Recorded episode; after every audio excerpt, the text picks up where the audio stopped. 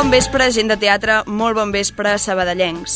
Benvinguts a l'Amunt al Taló, el programa radiofònic que cada setmana us va explicant totes les novetats que hi ha als escenaris de Sabadell i de més enllà el programa que us parla cada dimecres de les propostes teatrals que s'estrenen a la ciutat, dels principals muntatges de Barcelona, de la història teatral sabadellenca, de la, carter, de la cartellera cinematogràfica, de teatre musical, dels principals esdeveniments culturals i teatrals i de moltes altres coses.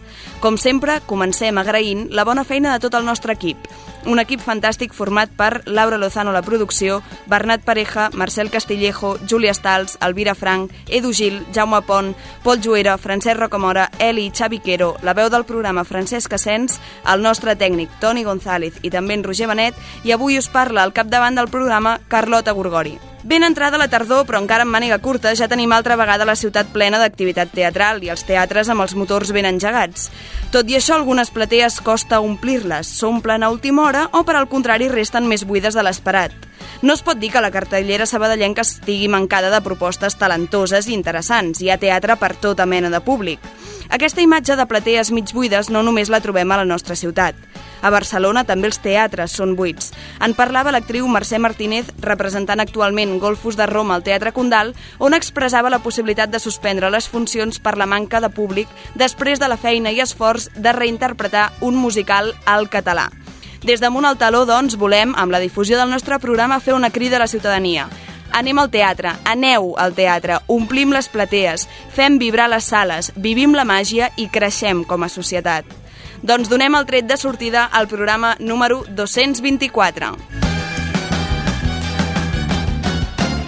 Amunt al taló.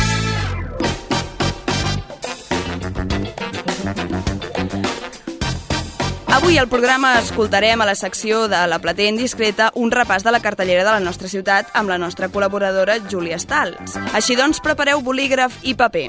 L'entrevista d'avui serà Albert González i Maria del Valle sobre l'estrena de Blanca Neus i els set nans al Teatre de la Faràndula.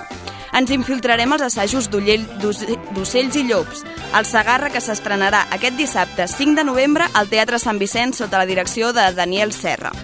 A la secció de la gran pantalla, acompanyats del nostre col·laborador cinèfil Edu Gil, comentarem un bon grapat de pel·lícules com Smile, Halloween el final, Cerdita, Los renglones torcidos de Dios i d'altres.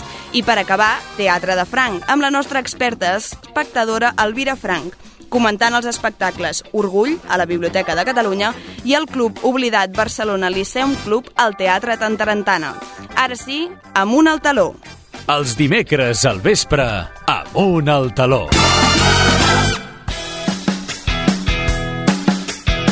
La platea indiscreta.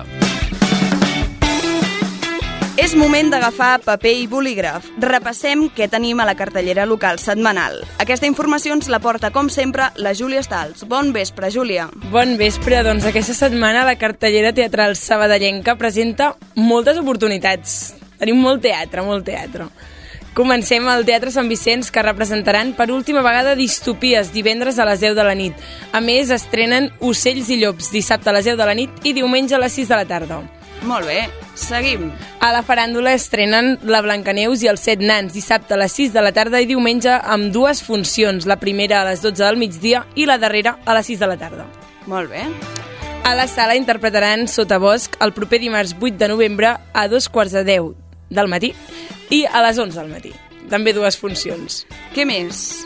A l'Estruc mostraran Bonobo aquest dissabte a les 8 del vespre i és el Premi Esgae Jardiel Poncela 2020.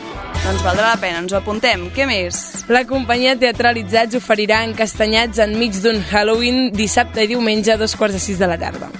Bona proposta. Seguim. A l'Espai Agora figuraran píndoles de teatre diumenge a les 8 del vespre. Al Teatre Principal presentaran tard, però no pas a deshora, el pròxim dilluns a les 8 del vespre.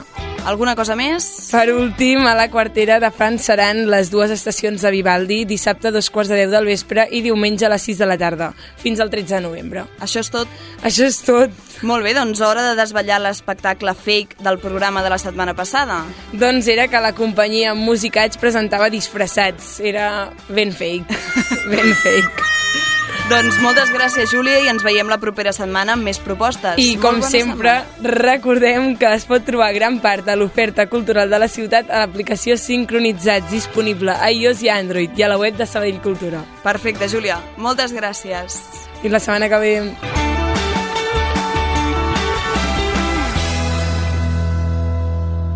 El Teatre Sabadellenc a Ràdio Sabadell.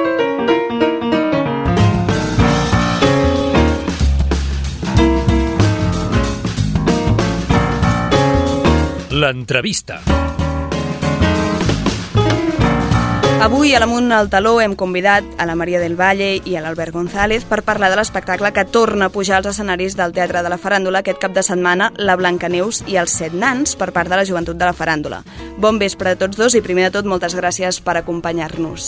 Hola, gràcies a vosaltres. Gràcies. Perfecte, doncs comencem. La Blancaneus i els Set Nans, que podrem veure aquest cap de setmana, no és, de, no és del tot el conte que tots plegats coneixem i que tantes vegades hem sentit o vist en audiovisual. Què té de diferent aquesta reinterpretació del clàssic dels germans Grimm? A veure, jo segueixo la trama i fins i tot una miqueta l'estètica que tothom té en, en l'imaginari eh, també s'acosta una miqueta a Disney, no? El que passa que li he posat un punt crític perquè ja que fem un clàssic és interessant revisar-lo no? i, i posar-hi la teva mirada com, com, a- en aquest cas com a autor i com a director i llavors el que faig és mm, bueno, desdibuixar una miqueta el mite del personatge de la Blancaneus i el del príncep i, i donar-li un toc més d'humor i més gamberro a l'espectacle empoderant sobretot de la Blancaneus el personatge femení de la Blancaneus que tenim aquí avui una de les seves intèrprets, la Maria.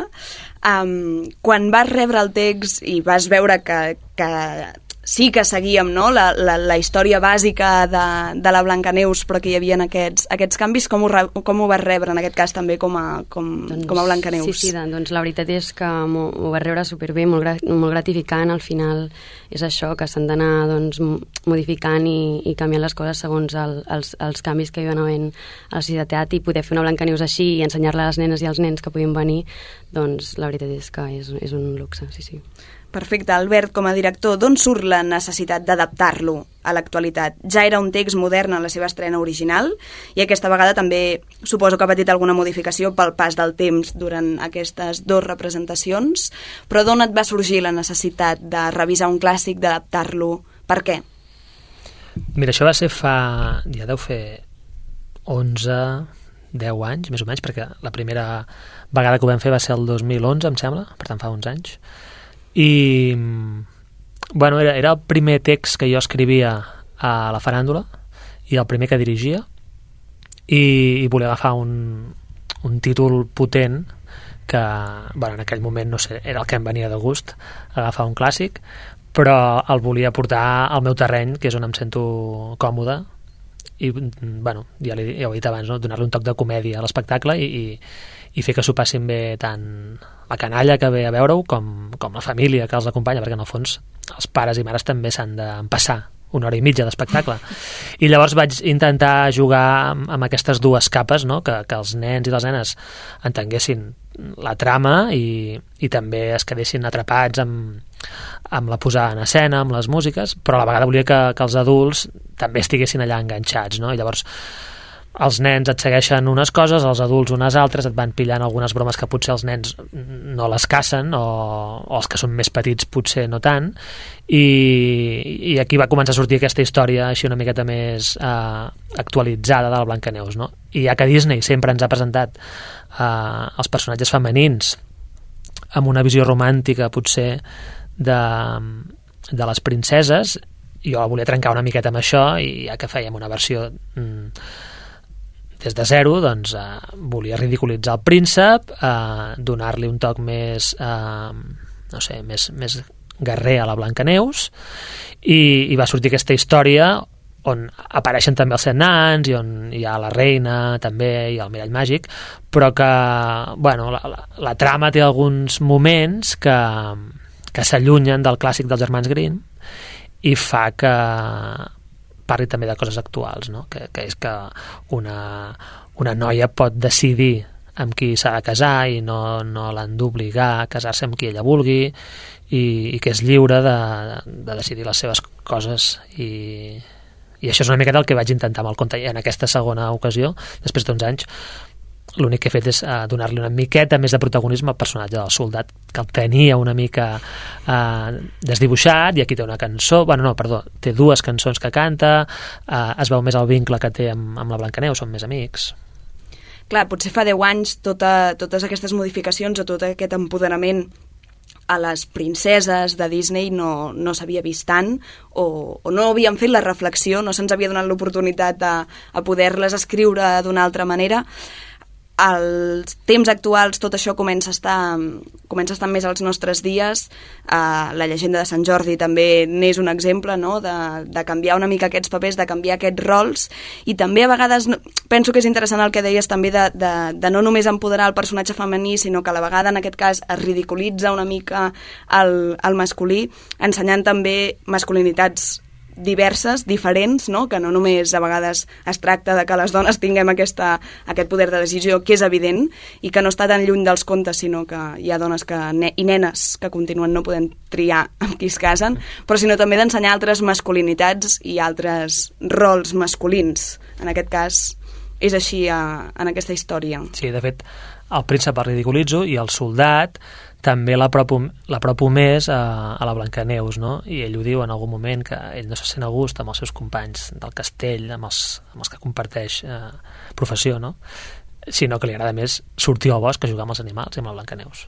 Sí, sí, jo crec que això també també ensenya no, que que les, els, les diferents, um, els diferents tipus de relacions que pot tenir una noia o una persona, un noi, el que sigui, um, que pot ser tant l'amistat, eh, vull dir, no només és l'amor i la història d'amor, sinó que també pues, l'amistat, el, el tracte amb els animals, que també doncs, eh, um, és molt, molt bonic també, um, el fet d'això, de conèixer un noi, però bueno, a veure amb què, no? Tampoc, a, a la primera no et diré que sí, també, de veure, aviam, Sí, l'amor a primera vista no... Sí, aquí no, no, no. I també això, no?, la relació de, de no tenir pares i de, i de, i de tenir una madrastra que, ostres, doncs no, no hi ha manera que, que tinguem bona relació. Aquest, aquest paper continua bastant en la línia de, de la, del clàssic Germans Grimm, no? La reina continua sent la malvada de la història. Sí. Sí, no, no ja no a la tercera. No, l'únic que el personatge del mirall sí que és diferent i també està dibuixat en clau d'humor i tenen una relació així uh, especial, mirall i reina. Sí. Perfecte.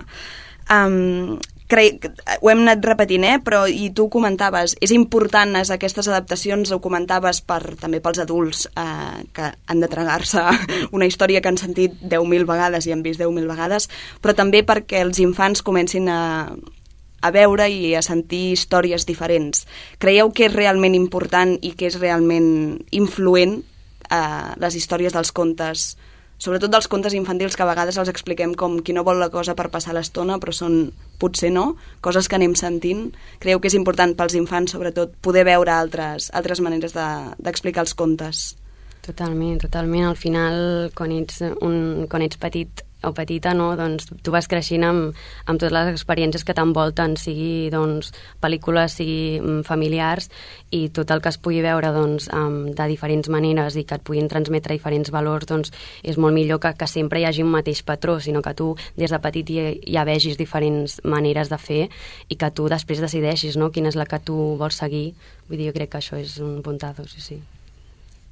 Sí, i segurament podria haver anat molt més enllà i donar-li una volta encara més radical. Bueno, he fet fins on he cregut, o fa uns anys vaig creure que calia fer i, i és, és important les primeres vegades sempre també per, per als nens i les nenes que primera que, que els agradi el que van a veure perquè això voldrà dir que voldran tornar al teatre i repetir i, i segona que bueno, això, que, que, que el que vegin no sigui sempre el que nosaltres potser malauradament ens vam passar, que era un tipus de pel·lícules amb un tipus d'arguments i de, i de presentar-nos l'amor com l'amor romàntic i tot això quan vas creixent i ara avui en dia que el debat està sobre la taula vas veient que, que no, que allò que ens van ensenyar les pel·lícules de Disney És mentida. és mentida i que, i que hi ha altres maneres d'explicar les històries. Llavors, els clàssics són clàssics i, i crec que s'han de continuar explicant perquè són interessants és, la- és cultura popular en el fons, però ja que fem clàssics s'han de revisitar i, i donar-li una mirada crítica. Heu notat la diferència dels infants que venien fa 10 anys sobre aquesta adaptació que ja es feia del text als infants que ho veuen avui en dia? Doncs jo era una cosa que em feia patir i, o sigui, tenia el neguit de si havia envellit bé l'espectacle i, i em feia patir molt perquè, clar, fa 11 anys va tenir molt èxit i vam arribar a anar a Barcelona, al Poligrama, dues temporades, o sigui, la vam fer tres temporades aquí a Sabadell, dues temporades a Barcelona, i tenia por de el record que podia tenir la gent d'aquella vegada i si ara repetien, no? Si, i fins i tot també l'espectacle, si en aquell moment s'aguantava molt bé i tot funcionava com un engranatge, les transicions, el text, les músiques, el vestuari, ara em feia patir. Allò hagués quedat antiquat. anticat, I antiquat. Vaig retocar el que vaig creure que podia potser eh, quedar desfassat, que era el vestuari dels animals, bàsicament, um, i, i sí, vaig quedar sorprès perquè s'ha mantingut tot igual i la reacció del públic és la mateixa que fa 11 anys. Els adults s'ho continuen passant bé, els nens en gaudeixen, a més ara hi ha l'Spotify que poden escoltar-se les cançons 10.000 vegades quan volen i, i segueix igual de vigent. Gràcies, tant, gràcies a Déu. Com el vi, Sí, sí, els sí. anys li han jugat a favor Sí, sí. també sí, a més és, l'espectacle. és xulo perquè els infants inclús sortien de que molt, alguns pues, sí que era com, ai, jo la Blancaneus, però potser hi havia nens que els agradava la Blancaneus, o nenes que els agradava la madrastra, o tots els tipus de, de personatges, que no només és tothom la Identificar-se Blancaneus. amb el que només la sempre Blanca- hem entès sí, exacte, de noia, pues, la Blancaneus, la no? Blancaneus. Mm, els nans, o els, el príncep, no? Vull dir, no hi, ha, hi havia molta versatilitat en quan tu sorties i parlaven amb tu els nens, era molt xulo això. Sí, sí. Que guai. Els, els personatges dels nans continuen sent la part més còmica de, de la història, però els anys han passat també per alguns nans continuen sent, no són baixets com els que veiem a la pel·lícula, però crec que això s'aprofita dins la història. Sí, ho, ho- jugo a favor i, i es diu que com és que han crescut i ho expliquen i ja està.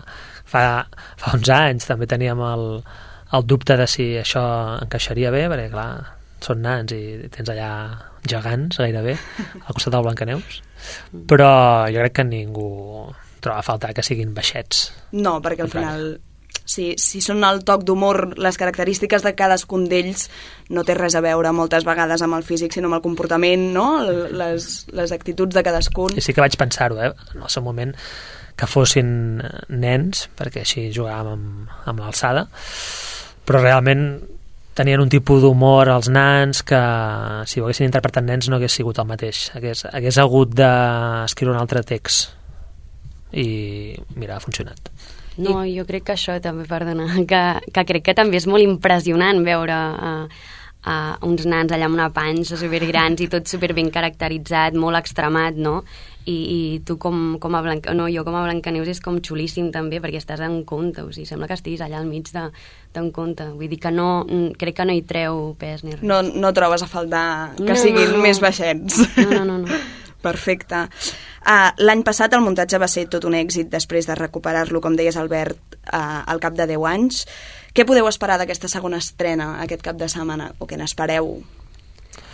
Um, per desgràcia, sembla que serà un comiat, llavors ens ho prenem amb, amb molta il·lusió, però també amb una miqueta de, de pena, perquè ja era el, el tracte i el que, el que ens va dir la Junta en el seu moment, que era una obra per dos anys, perquè l'any passat també va ser com de rebot que es fes, no, no estava previst, jo no vaig presentar el projecte, sinó que faltava una estrena per, per la faràndula i em van venir a buscar si volia tornar a fer Blancaneus, però amb la condició que fos només dos anys, perquè no, no es produís un tap al cap de dues temporades a l'entitat i necessitéssim masses estrenes. Llavors, bueno, va ser uh, aprovat per tothom i ens, jo m'ho prenc com, com un comiat, però amb la porta oberta de, de mai se sap el que pot passar, perquè També feia 10 Barcelona, anys que sí, sí. segurament vam dir, bueno, fins aquí i...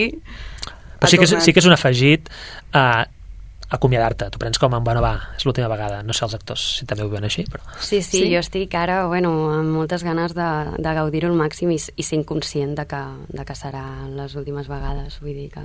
Sí, sí, però bueno, moltes ganes és això. I, i més que això, aquesta cosa de repetir-ho, que jo, per exemple, no ho havia fet mai, sí que noto que el cos se'n recorda, que encara que fa fes un any que no assagéssim, el cos se'n recorda i, i l'equip és fantàstic, o sigui que tot juga a favor. Bueno, i que, i que segurament la, la, segona, la segona estrena dona oportunitat de sumar, perquè tot allò que ja tens dona peu a poder sumar coses noves, a poder jugar, no? Sí, sí, coses totalment. noves al de l'escenari.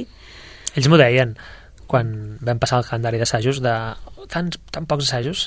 L'experiència mm. em diu que quan tu has fet una obra i llavors hi tornes, eh, en el moment de reassajar-ho, tot ho has interioritzat i està tot a lloc. Costa a vegades refre uh, refrescar el text, però el personatge ja el tens, està allà. No saps per què, però està allà. I, i hem, ha estat en aquests assajos superbé, rient, com si... Més distesos, sí, sense sí, tanta sí, sí. pressió, sense no? Pressió. De- Ara aquesta setmana ja veurem.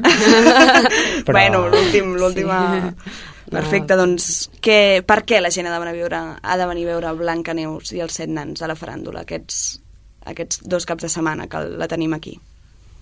Bueno, primera perquè crec que s'ho passaran molt bé i, i segona perquè ja no tindran una altra oportunitat de repetir llavors si no van venir la temporada passada ara és ja l'última oportunitat i, i que segur que tant nens com, com adults s'ho passaran molt bé Sí, sí, Maria? totalment d'acord. No, al final és això el que dèiem, no? tota l'entrevista de que és una Blancaneus diferent, és una història diferent i també és xulo que eh, els infants doncs, puguin veure aquesta, aquesta versió. Perfecte, doncs moltíssimes gràcies a tots dos per ser aquí una vegada més i us desitgem que continueu omplint la palatea amb aquesta exitosa història. Gràcies a vosaltres. Gràcies. Amunt al taló, al teatre de la ciutat, a la ràdio.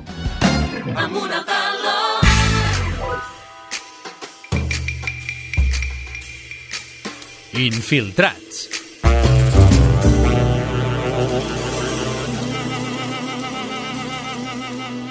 Molt bon vespre. Avui ens infiltrem a l'obra de teatre d'ocells i llops de Josep Maria de Sagarra, un clàssic català que ens estrena al Teatre Sant Vicenç aquest proper cap de setmana. Anem a veure com estan anant aquests últims assajos. Endavant!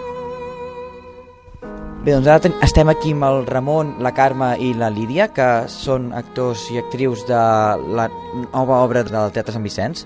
Expliqueu-nos com esteu portant aquests últims assajos. Jo crec que tranquils, el que passa que ja ens ho trobem a sobre i sembla que no. Doncs ara ja hi ha una miqueta de nervis, però hem anat portant molt bé, som un petit grup, ens avenim molt, llavors en aquesta part estem molt tranquils. Llavors l'estrena ja veurem. Sí, per mi també. eh? És, una, és anar aprenent. Suposo que al principi el més important és recordar el text que has de dir, llavors de mica en mica el vas interioritzant i et vas trobant doncs, amb les emocions que es van desenvolupant a l'obra i les intentes viure. I com més assajos portem, doncs més fàcil és. Ja fa sis mesos que vam començar a assajar i això mm, dona una certa tranquil·litat perquè abans de vacances fèiem només un dia a la setmana, però ara des del setembre, ja setembre i mig octubre han fet dos dies a la setmana i aquests últims 15 dies han fet tres. Vol dir que per part de lletra no hi ha d'haver-hi cap problema ho portem molt segur, els assajos estan sortint molt bé, que passa que, és clar ara amb el decorat ja posat, amb el vestuari i maquillatge, ja, ja, ja, ja ho tenim a sobre, i ja hi ha aquell el, el coquet de, dels últims dies, i avui fem la- l'estrena, o sigui, l'assaig general, que avui ha de sortir perfecte ja, ha d'anar rodat això ja.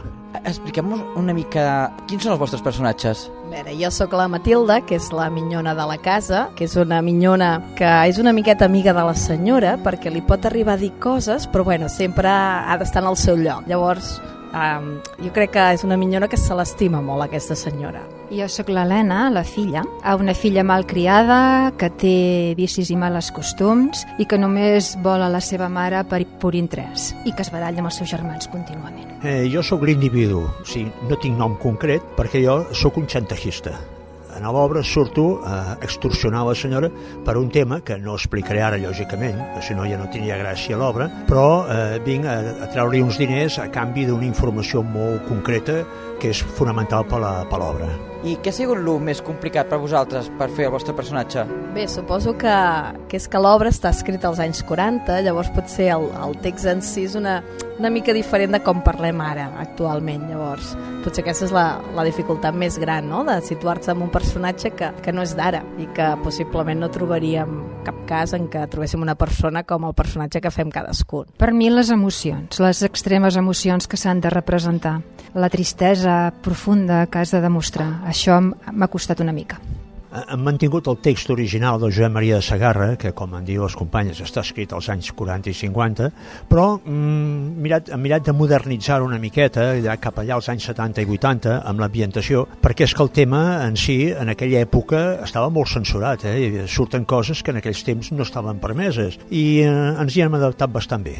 Com creieu que anirà aquesta estrena de l'obra teatre? Bé, no ho sabem. A veure, és, venim d'aquí al Teatre Sant Vicenç, venim d'una obra que era còmica, absolutament còmica, i ara venim amb una obra molt sèria. Jo crec que actualment la gent està desacostumada en aquest tipus de teatre. Agrada molt els musicals, fer riure, i no sé no, si, si l'estrena pues, aconseguirem tenir prou de gent. No sé, això sempre és eh, un, un misteri, però jo crec que a mida que l'anem fent, si ens va sortir bé. Jo crec que és una obra amb un argument potentíssim, a mi m'encanta el guió, i crec que és igual que és de l'any 47, és igual d'actual els temes que en parla. Llavors això jo penso que el boca en boca farà que hi hagi més públic. Sí, per mi és una obra que està orientada a la gent gran. És, has estat molt pendent del text perquè n'hi ha molt, és molt profund i a més a més és que si la vols entendre perfectament no has de prendre passada del que s'està dient. No és una obra fàcil, i és una obra doncs, que costa una mica d'entendre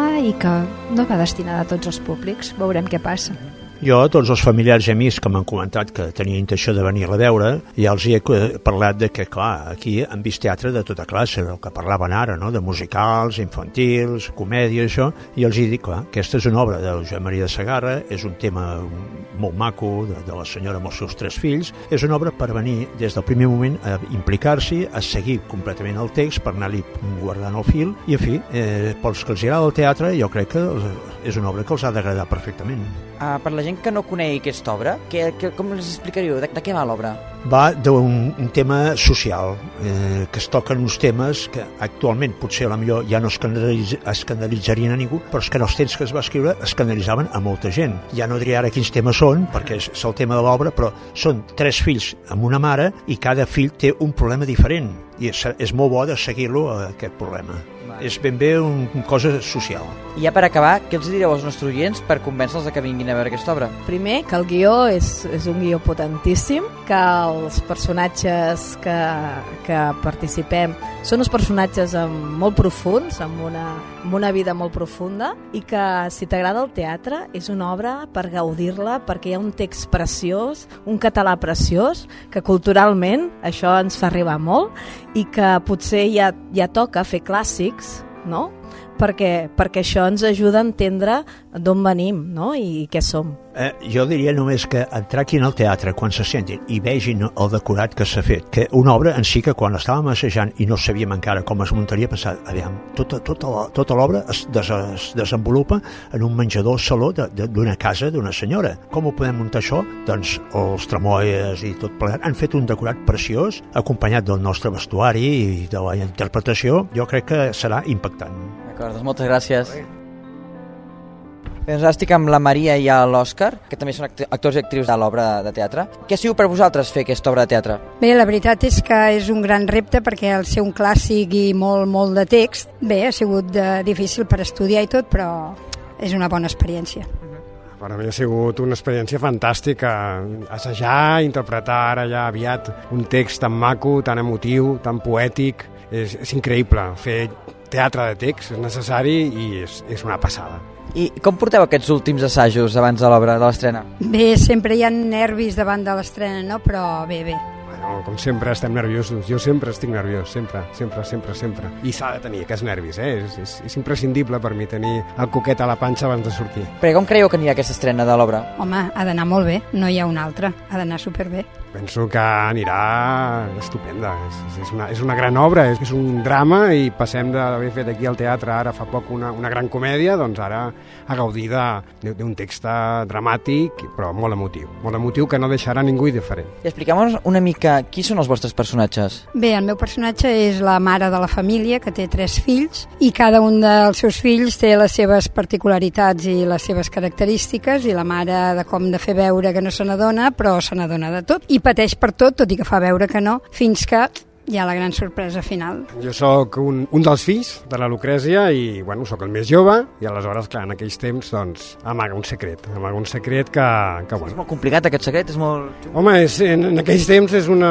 és un secret, eh, sí, podríem dir que és complicat o és, és, és difícil de- d'assimilar per aquells temps, i, però bueno, ja, ja es veurà. No? Que vinguin a veure-ho, sí, Exacte, que vinguin és a veure. importantíssim que vinguin a veure-ho per, per saber que aquells tres fills què és el que amaguen i, i què és el que passa realment a, en aquesta història. Perquè què ha sigut el més complicat per vosaltres, el vostre personatge o de l'obra en, en general? Bueno, e- és anar fent els diferents papers segons el moment de l'obra, no? I llavors has de fer doncs, el paper de resignada, el paper de que de dura, bueno, de tot. Eh, vas canviant de personatge, però no, difícil tampoc. Bueno, complicat adaptar-se sempre a un text que és, és més antic, que és més, més poètic, no, no està tan adaptat al- als temps d'ara, més moderns. La dicció ha de ser molt bona perquè s'entengui molt bé el que diem, aleshores doncs assajar això, sobretot dir-ho molt bé perquè s'entengui molt bé i que quedi molt maco. I ja per acabar, què els direu als nostres oients perquè vinguin a veure aquesta obra? Bé, doncs que no sempre hi ha la possibilitat de veure aquests clàssics i a més aquesta obra que ha estat molt poques vegades representada, molt poques, bé, serà una experiència nova que, que podran tenir. Doncs que vinguin a veure, és un Sagarra, un Sagarra és, és un gran autor català i, i és una obra, com diu, com diu la Maria, desconeguda de les que va fer, de les que menys es van representar, quan en el seu temps es va fent dues vegades únicament, i em sembla que és que s'estrena aquí a Sabadell per, per primera vegada, no, no s'ha fet mai, aleshores doncs, és una obra molt, molt difícil de, de veure i que ara podran gaudir d'ella en el seu màxim esplendor, estic segur.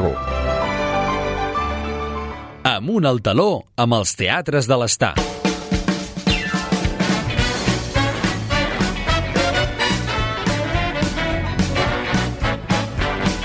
La gran pantalla.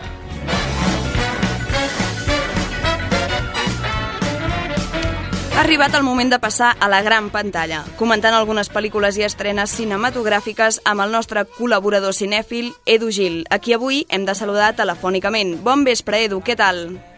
Bon vespre, Carlota, què tal? Molt bé, aquí estem. Perfecte, i avui també tenim a l'estudi el nostre presentador, Marcel Castillejo, que ens, també ens ajudarà en aquesta secció. Bon vespre. Bon vespre. Ni tan, no, no sóc tan cinèfil com l'Edu, eh? Bueno, però a tot, un nivell molt tot més compta, baix. Tot compta, Perfecte, doncs començarem amb la pel·lícula Smile, escoltant uns segons del tràiler.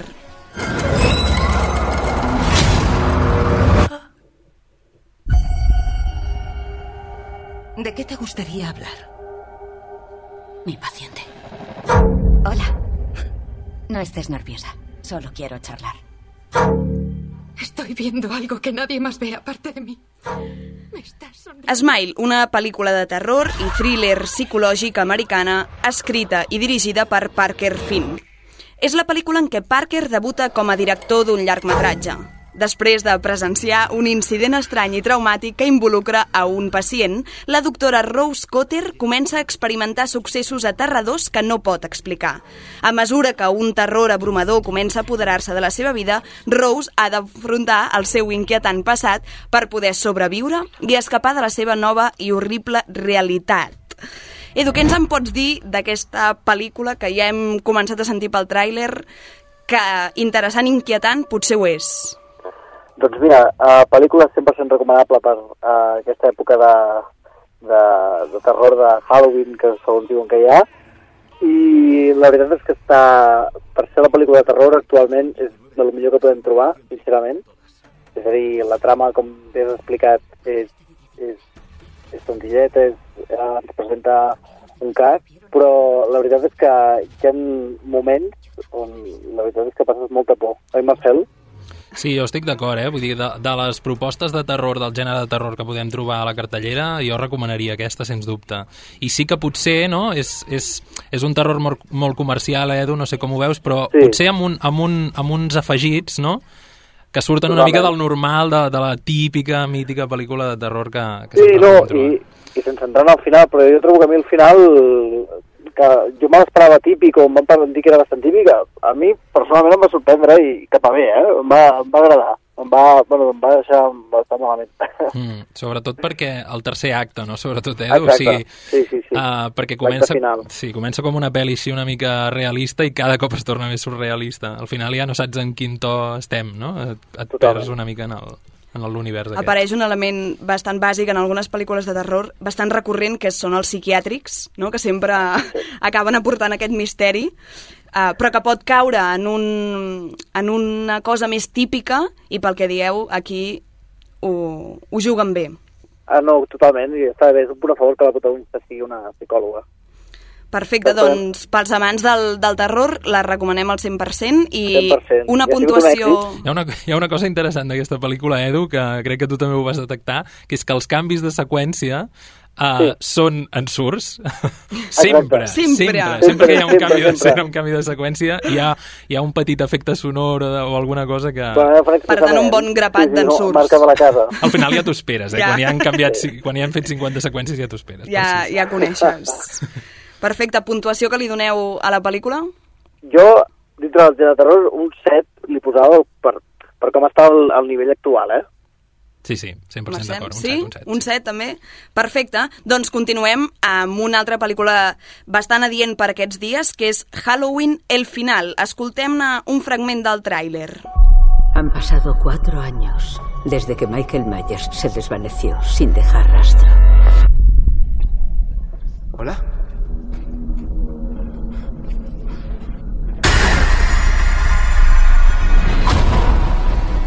Sota la direcció de David Gordon Green, Halloween El Final és un thriller de terror premiada aquest any al Festival de Sitges.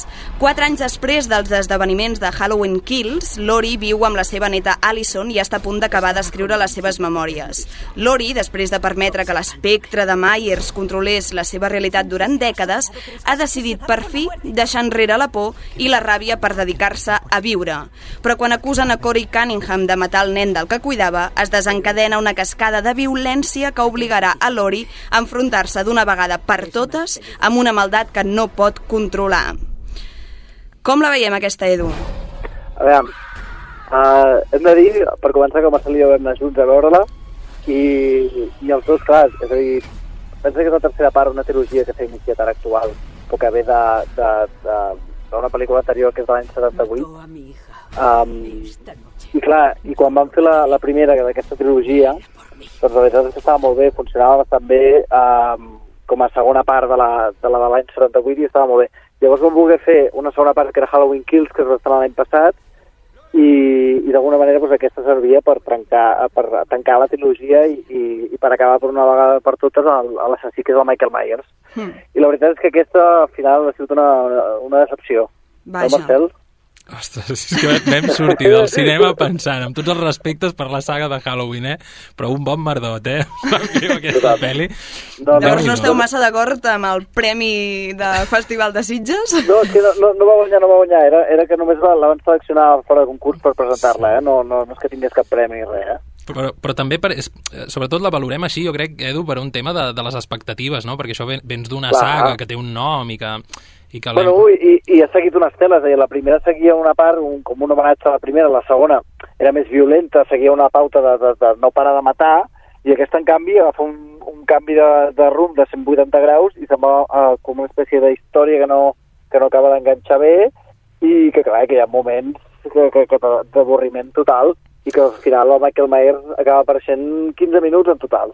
No, és, el, és el menys no. important i és el que esperes amb més ànsia. Vull dir, al final, Exacte. eh, tu esperes anar a veure una pel·li de por amb sang i fetge i s'acaba convertint en una espècie de Clar. drama romàntic, psicològic, molt Que raro. no, un, un crepúsculo estrany, saps? Que no acaba d'enganxar. on, no, on no, no. volen treure suc de tots els personatges que hi ha, la neta, la Jamie Lee Curtis, que és una gran actriu, però aquí fa com un paper, mm, no sé... que, està- i que al final no acaba sent ella la protagonista, és a dir, acaba apareixent un, un protagonista en aquesta pel·lícula, un Mm. personatge que no porta res i que, i que a sobre és un dels pitjors personatges que he vist escrits um, en molt de temps.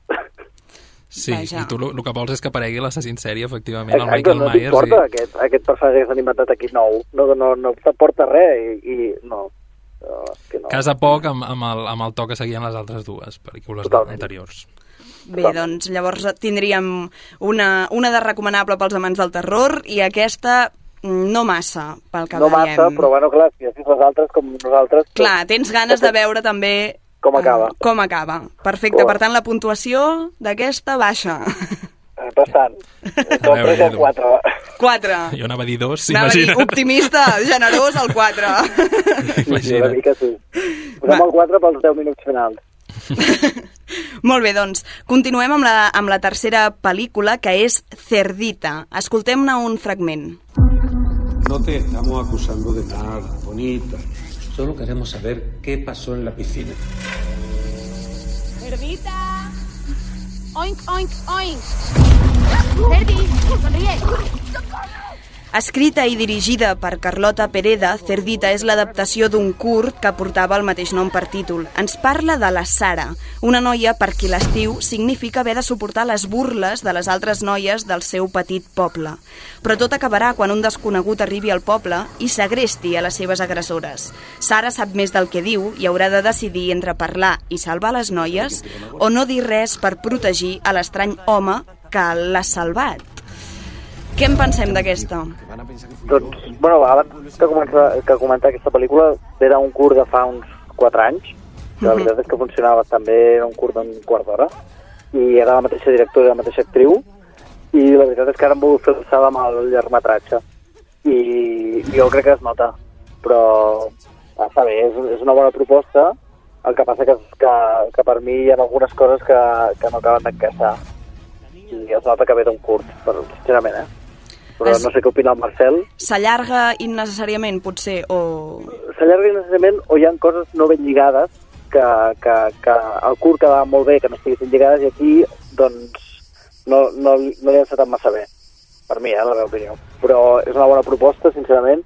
Um, llàstima això que la protagonista realment um, ho fa molt bé i m'agrada molt, però clar representa que té 17 anys i l'actriu ja té un 36 això, això es nota, eh, també. Sí, es nota, es nota, es nota. Clar, jo anava a dir que no he vist el curtmetratge i per tant aquests mm, petits defectes com de guió, suposo, Edu, que, que comentaves, no els vaig No els veure has tant. detectat.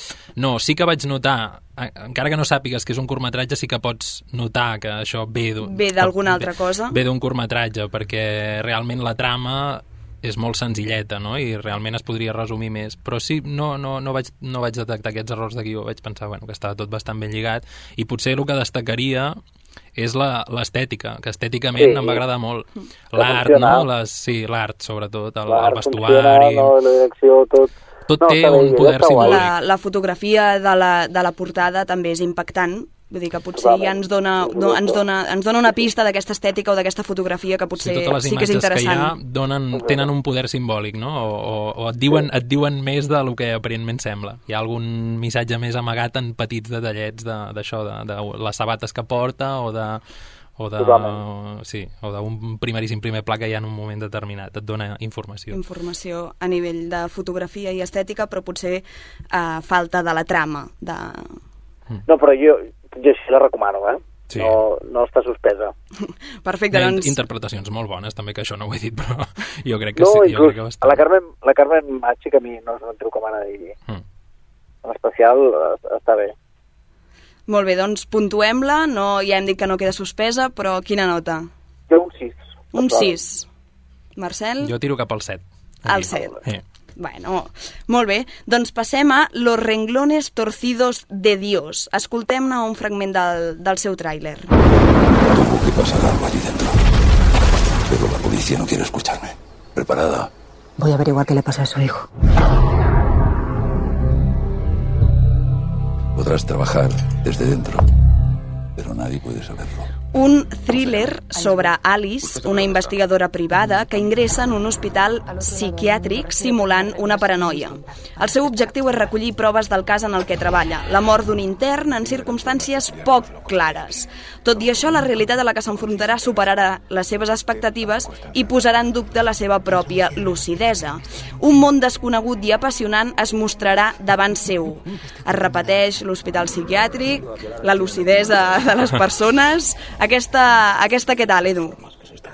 A veure, aquesta, per- tot i durar dues hores i mitja, el, té mèrit que no es notés aquestes dues hores i mitja, personalment. Uh, destaca la, la trama, és a dir, és interessant. El problema és que jo potser no, al final no, no, no em va acabar d'agradar, i més després del descobrir... Perquè això està basant en una novel·la, Mm? i vaig descobrir el final de la novel·la i, i m'agrada més el final de la novel·la que el que s'ha vist a la pel·lícula. Però és una pel·lícula distreta, amb el pur aquest comercial estèticament bastant xulo i, i, i bastant entretinguda. De que cap, i funciona bastant bé. Ella està molt bé, l'Eduard també està superbé, i, i res, és el típic engany d'aquests que et fa marcar de la casa del director que és l'Oriol Paulo. I tant. Sí, sí. Uh, sí. Clar, la, la, la protagonista, al final, el, el que dèiem, no? acaba posant en dubte la, la seva pròpia... No? Entra segura d'ella mateixa i suposo Exacte. que aquest engany acaba corrompent-la per dins una mica. Sí, bueno, ja es veurà, eh? Juga...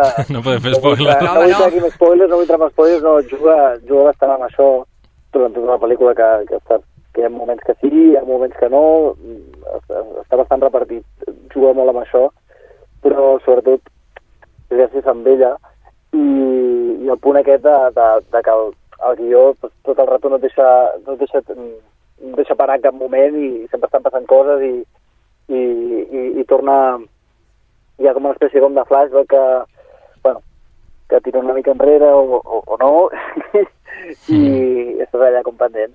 Que de vegades són també imaginacions, no? De i sí, i sí, tampoc saps si com a espectador creure tu o no aquests flashbacks i aquestes Clar, escenes clar. que estàs veient, si Ja seran no veritat, què és mentida, real, què és invenció, no? què és real, i cura, eh, quan m'ha dit l'Edu, 40.000 girs de guió que al final li dius, eh, prou, prou uh, girs de guió ja, perquè per això efectivament és marca de l'Oriol Paulo, que és el director, i que jo recordo doncs, pel·lícules com Contratiempo, Contratiempo, o la sèrie aquesta que es va fer a TV3 de nit i dia, que era constant també, I tant. de girs, girs, girs tota l'estona, que no saps, no saps què creure't, No saps i, que què creure't. i que no creure't. I les interpretacions brutals. Vull dir, jo crec que té un elenc aquí.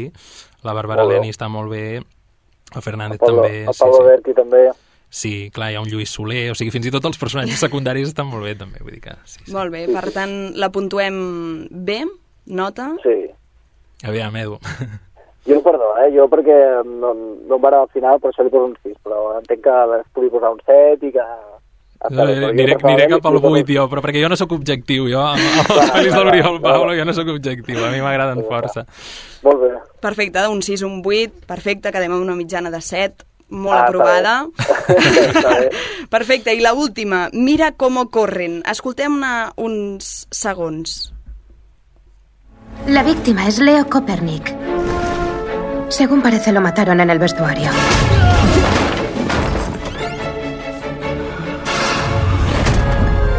Y luego lo trajeron aquí.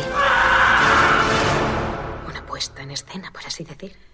Un desesperat productor de cine de Hollywood es proposa convertir en pel·lícula una popular obra de teatre. Quan membres de la producció són assassinats, el cansat inspector Stopper i la gent nova Stalker es trobaran enmig d'una integrant novel·la policíaca. Què tal aquesta? Doncs mira, la veritat és que les crítiques eh, estaven com mig i mig. Mm? Jo, la veritat, eh, sabent això, em va acabar agradant. Trobo que està bé. És, és, és un, una típica pel·lícula d'investigació semblant a, a, a novel·les d'Agatha Christie. Mm. I...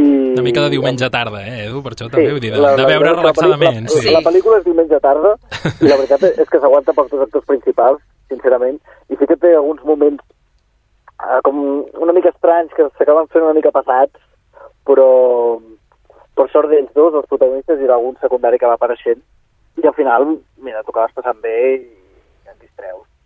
Bueno, també també calen aquestes També pel·lícules, no? De, de Exacte. treure una mica el xip i dir, bueno, va, Totalment. anem a, anem a gaudir durant aquesta estoneta i sense pensar massa. Exacte. Sí, jo crec que un- una de, la, una de la, bueno, la gràcia principal que té aquesta pel·lícula és el joc aquest entre el relat um, d'aquest assassinat real que representa que ha passat en Mhm. aquest teatre i després el, me- el metarelat de l'obra que s'està representant que també va d'un assassinat. Per tant, com el, el, aquesta mena de doble història que va en paral·lel i que es juga, jo crec, tota l'estona a nivell de guió, no? De fet, mm, potser, potser inclús massa, um, dels símils entre l'obra i el, I això la es va... realitat. Sí, i la- i l'assassinat real. I la investigació real. Sí, sí, però bé, bé. I el, el joc que hi ha entre els dos protagonistes també està força bé. Exacte. No, juga molt bé. Sí. Sí, és, és, és el que aguanta jo per mi la pel·lícula. Mm, mm -hmm. Perfecte. La, la provem? La provem. Jo crec que sí, no és un 5, tampoc és un 6 com... Perdó, eh, sé que eh, últimament aquesta temporada de posar 6 però... Puntues molt a la baixa, exigents, eh, eh? Edu, eh? Exigent, eh? Sí, sí, sí. Eh, a veure si en el proper poso notes millors. Jo, Marcel? jo la comparteixo, la comparteixo. Un 5 aprovat. Perfecte. Llavors, eh, només n'ha quedat una de suspesa. Per tant, uh, amants del cine, doncs, doncs teniu algunes recomanacions per aquests dies. Moltíssimes gràcies, Edu, una vegada més, per compartir amb nosaltres les, les opinions de les pel·lícules i esperem retrobar-nos aviat. I tant. que vagi bé. Gràcies, adeu. El Teatre Sabadellenc a Ràdio Sabadell.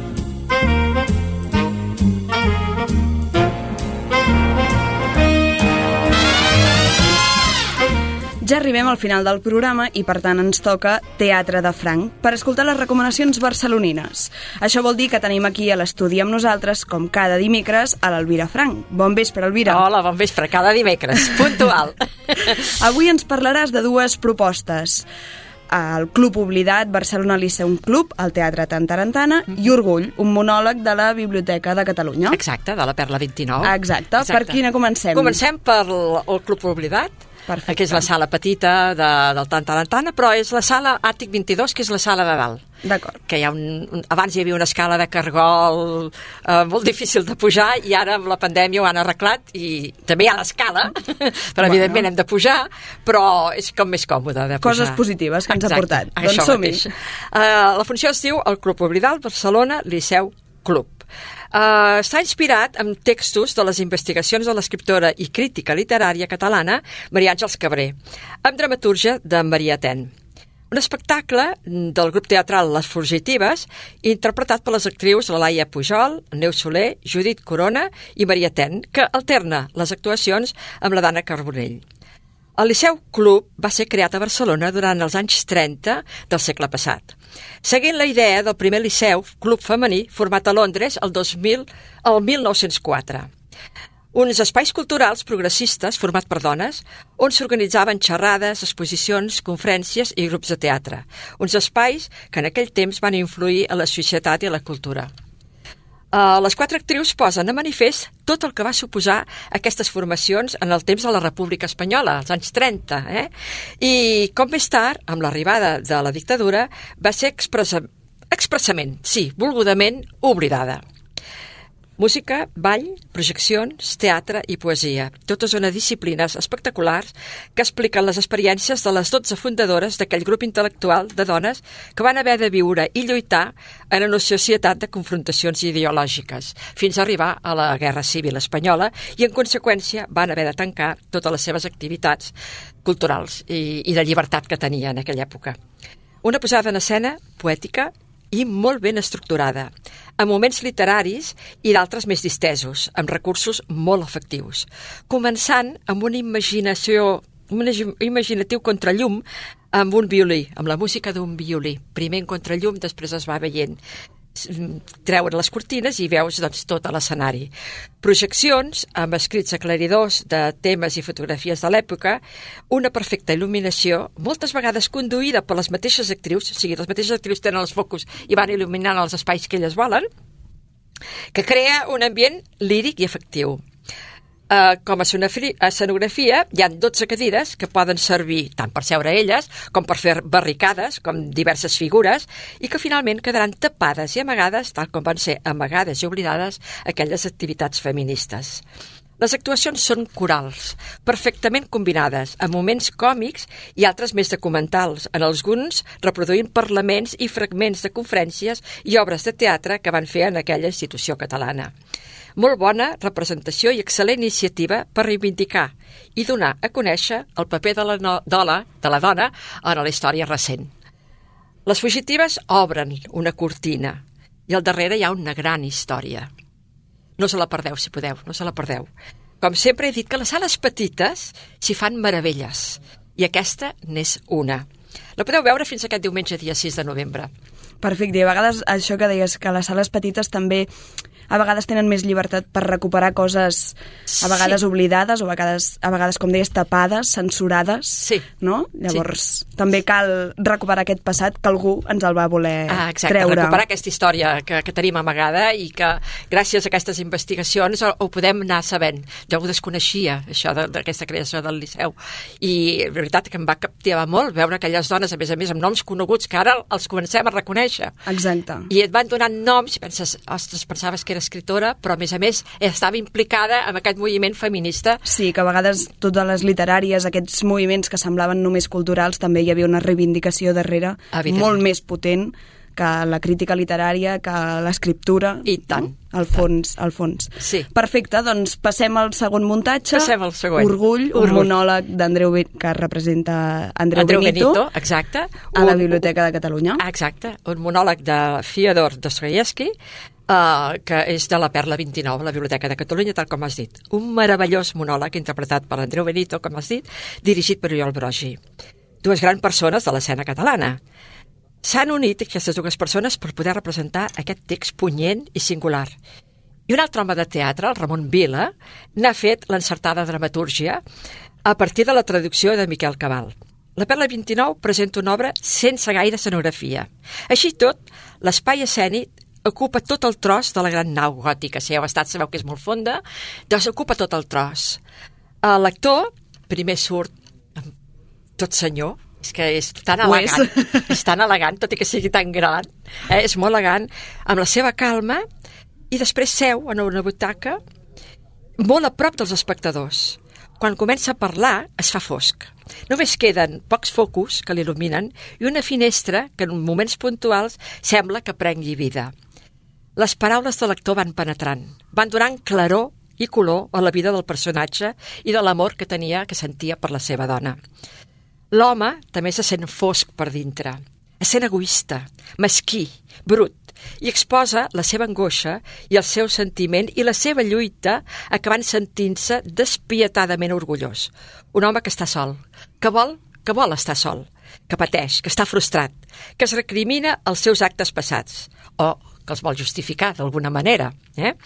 Un relat sobri i intimista que l'actor converteix en una genial interpretació, sense fons musical, on només al començament i al final se sent una fina melodia. Pauses, respirs, silencis que parlen, mirades mig perdudes que fan pensar en records continguts, expressions que descobreixen els seus pensaments, paraules que callen el que no vol explicar i altres paraules plenes de dramatisme que transmeten gran emoció, una gran emoció continguda. La manera d'actuar d'en Benito és particular, la seva gran presència, com hem dit, amb la seva veu i les mínimes expressions, sempre fa arribar tot el sentiment de cada personatge que ha interpretat. I en aquesta funció és única per ell, únicament feta per ell, únicament per un públic commogut que l'escolta des del primer moment. Ell sol fa que sigui una representació única i genial. La sensibilitat del director s'ha unit amb la gran qualitat interpretativa de l'actor i dona com a resultat una classe magistral de teatre de gran nivell. Crec que molts amants del teatre l'haurien de veure. I sobretot l'aconsellaria a la gent jove, i especialment als estudiants de teatre, perquè és una lliçó del teatre, per mi, de, de les millors que he vist en, en tota la trajectòria teatral. Una oferta que es podrà veure fins també aquest diumenge, dia 6 de novembre, i que esperem que la puguin fer més dies perquè l'espectacle s'ho val, s'ho val, val. molt. A vegades els monòlegs costa, Ah, perquè sí. de vegades vas a veure un monòleg i dius, ostres, a veure, quanta estona, no? I la persona sola Sí. es necessita un gran talent, penso jo, Per fer-ho, per, per fer un dir-ho. bon monòleg Sí. i que arribi a, a l'espectador i que l'espectador en surti commogut. I tant. I- I, mira, Carlota, jo hi vaig anar un divendres al vespre, que a vegades diem, els divendres anem cansats, la de tota la setmana. setmana, uh, un escenari fosc, com he dit, una persona sola parlant, vaig pensar, a veure si t'agafarà aquell moment d'una mica de son. Impossible agafar son, impossible. Només escoltant-lo és que ja vibres. Que xulo. Sí, Segur que val la pena, doncs. Molt, molt, molt. Doncs moltíssimes gràcies, Elvira, per les recomanacions tan interessants i aquesta vegada recomanades al 100%, Al les dues, que no sempre passa. Sí, aquesta última segur que serà un 10, Carlota. Serà un 10 quan fem el... Fem el top 10. El top 10. Perfecte, doncs ens veiem dimecres que ve amb més propostes teatrals de la capital barcelonina. Que vagi bé la setmana. Gràcies, igualment. Adéu-siau. El Teatre Sabadellenc a Ràdio Sabadell.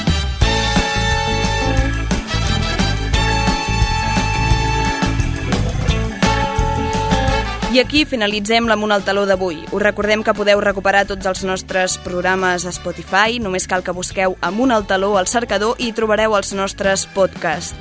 Rescateu també aquest programa i tots els altres al web de Ràdio Sabadell. No us perdeu les novetats a les nostres xarxes socials, a Instagram, arroba amuntaltaló.està i també a Facebook. Tornem la setmana vinent per seguir parlant de teatre local i de tot allò que passa als nostres escenaris. Gràcies per escoltar-nos una setmana més. Amunt al taló.